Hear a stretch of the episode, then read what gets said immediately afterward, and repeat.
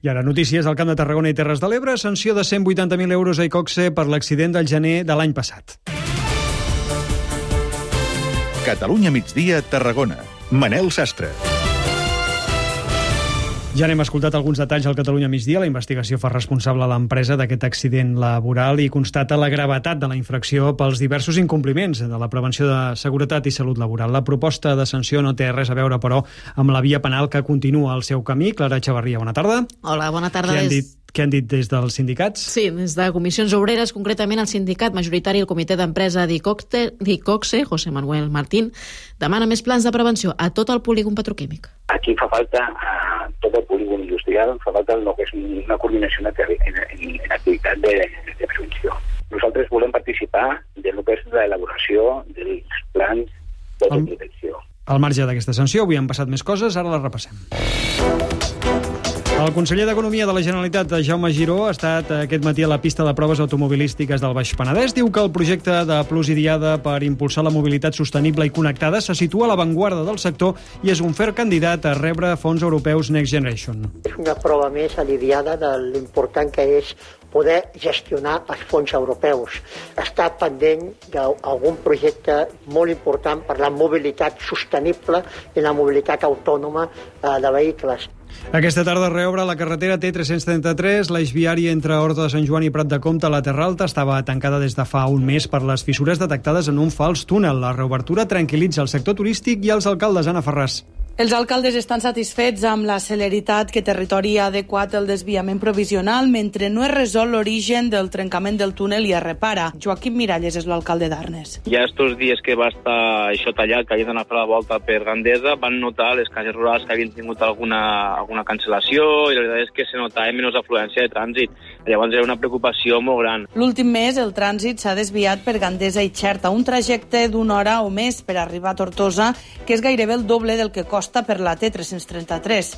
El desviament provisional treu pressió a la reparació del fals túnel. Jordi Martínez, l'alcalde d'Horta. Creiem que és un vial que podria estar anys obert, no? I que està molt ben fet. Suposo jo també pues, que pot ser la solució al túnel, potser s'allarga una mica més de lo, de lo esperat. A finals d'este mes, Territori exposarà les opcions que s'estan estudiant per reparar el fals túnel i concretarà quins podrien ser els terminis.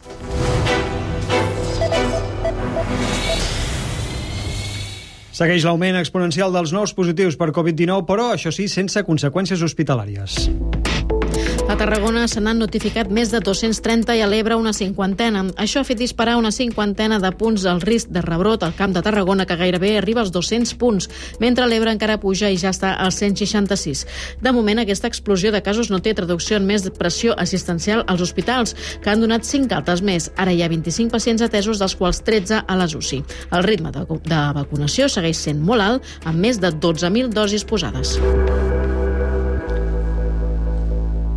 Breument us expliquem també que els Mossos d'Esquadra investiguen les circumstàncies de les ferides de bala que tenia un home que va aparèixer a les portes de l'Hospital Lleuger de Cambrils. Un vehicle va deixar l'home ferit a les portes del centre i va marxar immediatament segons alguns testimonis. L'home d'uns 30 anys va rebre diversos impactes de bala en algunes extremitats i estaria fora de perill. Encara dels successos troben el cadàver d'un home al port de Tarragona. Ha passat poc abans de les 12 del migdia. Es tracta d'un home que feia tasques de voluntariat per Estela Maris al recinte i ha caigut a l'aigua per causes que no se saben i que ara investiga la Guàrdia Civil. I es manté la caiguda de l'atur a Tarragona durant el mes de juny. Les xifres d'aturats han caigut més de 5.000 persones i ara la gent que busca feina a la demarcació se situa en 52.500 persones, un 8,75% menys respecte al mes de maig. I de la cultura, el Festival EVA, en veu alta, desembarca avui al Pradell de la Teixeta. L'avi m'explicava faules amb un to bonic gentil. Guardo les seves paraules Després del seu pas pel Penedès, el Festival de Narració i Tradició Oral farà durant tot el cap de setmana diferents actuacions i aquest vespre les primeres es fan a la pista poliesportiva amb aquests que escoltem, Cançó Fugaç i les seves corrandes són corrandes. Més tard hi actuarà també Marta Escudero amb Viva la Vida. Amb el vi fotem les farres molt... Pausa per la publicitat i de seguida els esports.